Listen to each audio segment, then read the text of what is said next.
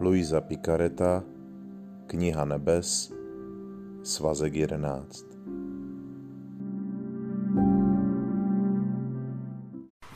Dvacátého třetího dubna 1916 Každá myšlenka na Ježíšovo utrpení je světlem, které čerpá z jeho nejsvětějšího lidství, aby se mu podobala. Když jsem pokračovala ve svém obvyklém stavu, můj obdivuhodný Ježíš se celý obklopil světlem, které vycházelo z jeho nejsvětějšího lidství a kterého zdobilo tak, že vytvářelo okouzlující a úchvatný pohled. Zůstala jsem překvapena a on mi řekl, má dcero, každá bolest, kterou jsem vytrpěl, každá kapka krve, každé zranění, modlitba, slovo, čin, krok a podobně, vytvářely v mém lidství světlo, které mě zkrášlovalo takovým způsobem, že všechny blahoslavené uchvacovalo.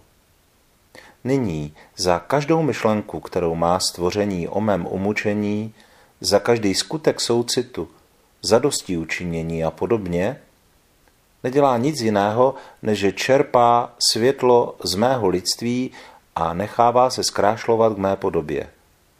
Proto každá další myšlenka o mém umučení bude dalším světlem, které jí přinese věčnou radost. Ve starém zákoně v době Abrahamově synové otrokyň zůstávali, zůstávali otroky.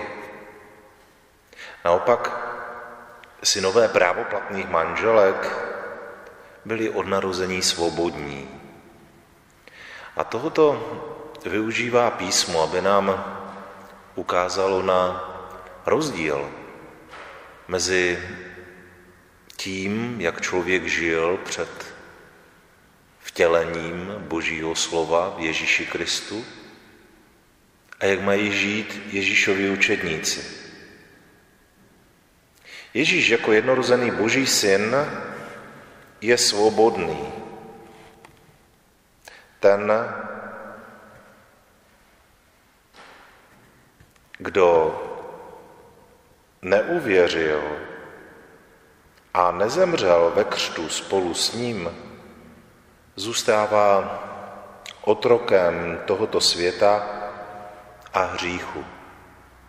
Každý, kdo uvěřil a přijal křest skrze Ducha Svatého, se stává svobodným v Ježíši.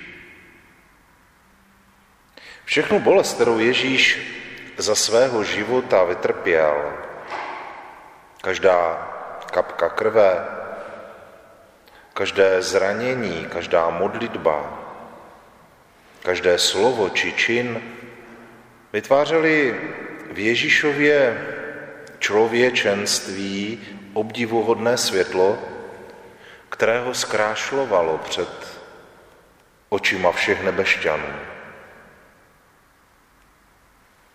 Jestliže se duše noří v myšlenkách do tajemství Ježíšova umučení,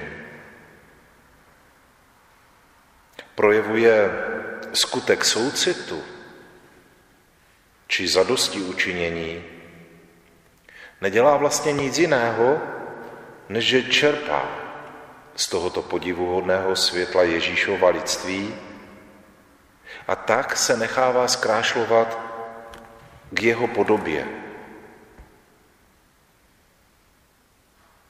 Každá další myšlenka o Kristově umučení, utrpení se stává jakoby novým světlem a přináší takové duši věčnou radost. Je tedy důležité znovu a znovu se jakoby ponořit do toho, co prožíval Ježíš, abychom se mu stali podobnými. Podobnými v jeho lidství. Můžeme to zcela jednoduše dělat třeba právě při modlitbě ružence. A nebo když se modlíme křižovou cestu, a nebo jen tak, když si uvědomíme některé události právě z Ježíšova umučení a utrpení. Právě toto tajemné světlo, které vychází z kříže Ježíše Krista, tak má schopnost nás připodobnit jemu samotnému. A tak se učme vstupovat do událostí Ježíšova života. A nebraňme se ani těm, které vypadají pochmurně, temně a těžce. Nemůžeme si z Ježíšova života vypreparovat to příjemné a to ostatní někde odložit. Je důležité nechávat Ježíše ve svém srdci, nebo v našem srdci, ať si tam koná, co on sám bude chtít. Ať už bude tichý a spát, bude se nám zdát, že nějak ho neslyšíme, nevnímáme. A nebo naopak otevře naše srdce a dá mu pocítit utrpení, těžkosti, bolesti, které, kterými trpí on sám. Tom všem by měla být naše duše disponovaná, abychom dokázali přijímat cokoliv nám Ježíš nabídne. Abychom mohli mít v duši skutečného Ježíše a nejenom naši nějakou představu o něm, většinou velmi zkreslenou. Proto se nebojme, když vstupujeme třeba v modlitbě růžence do těch tajemství utrpení a umučení.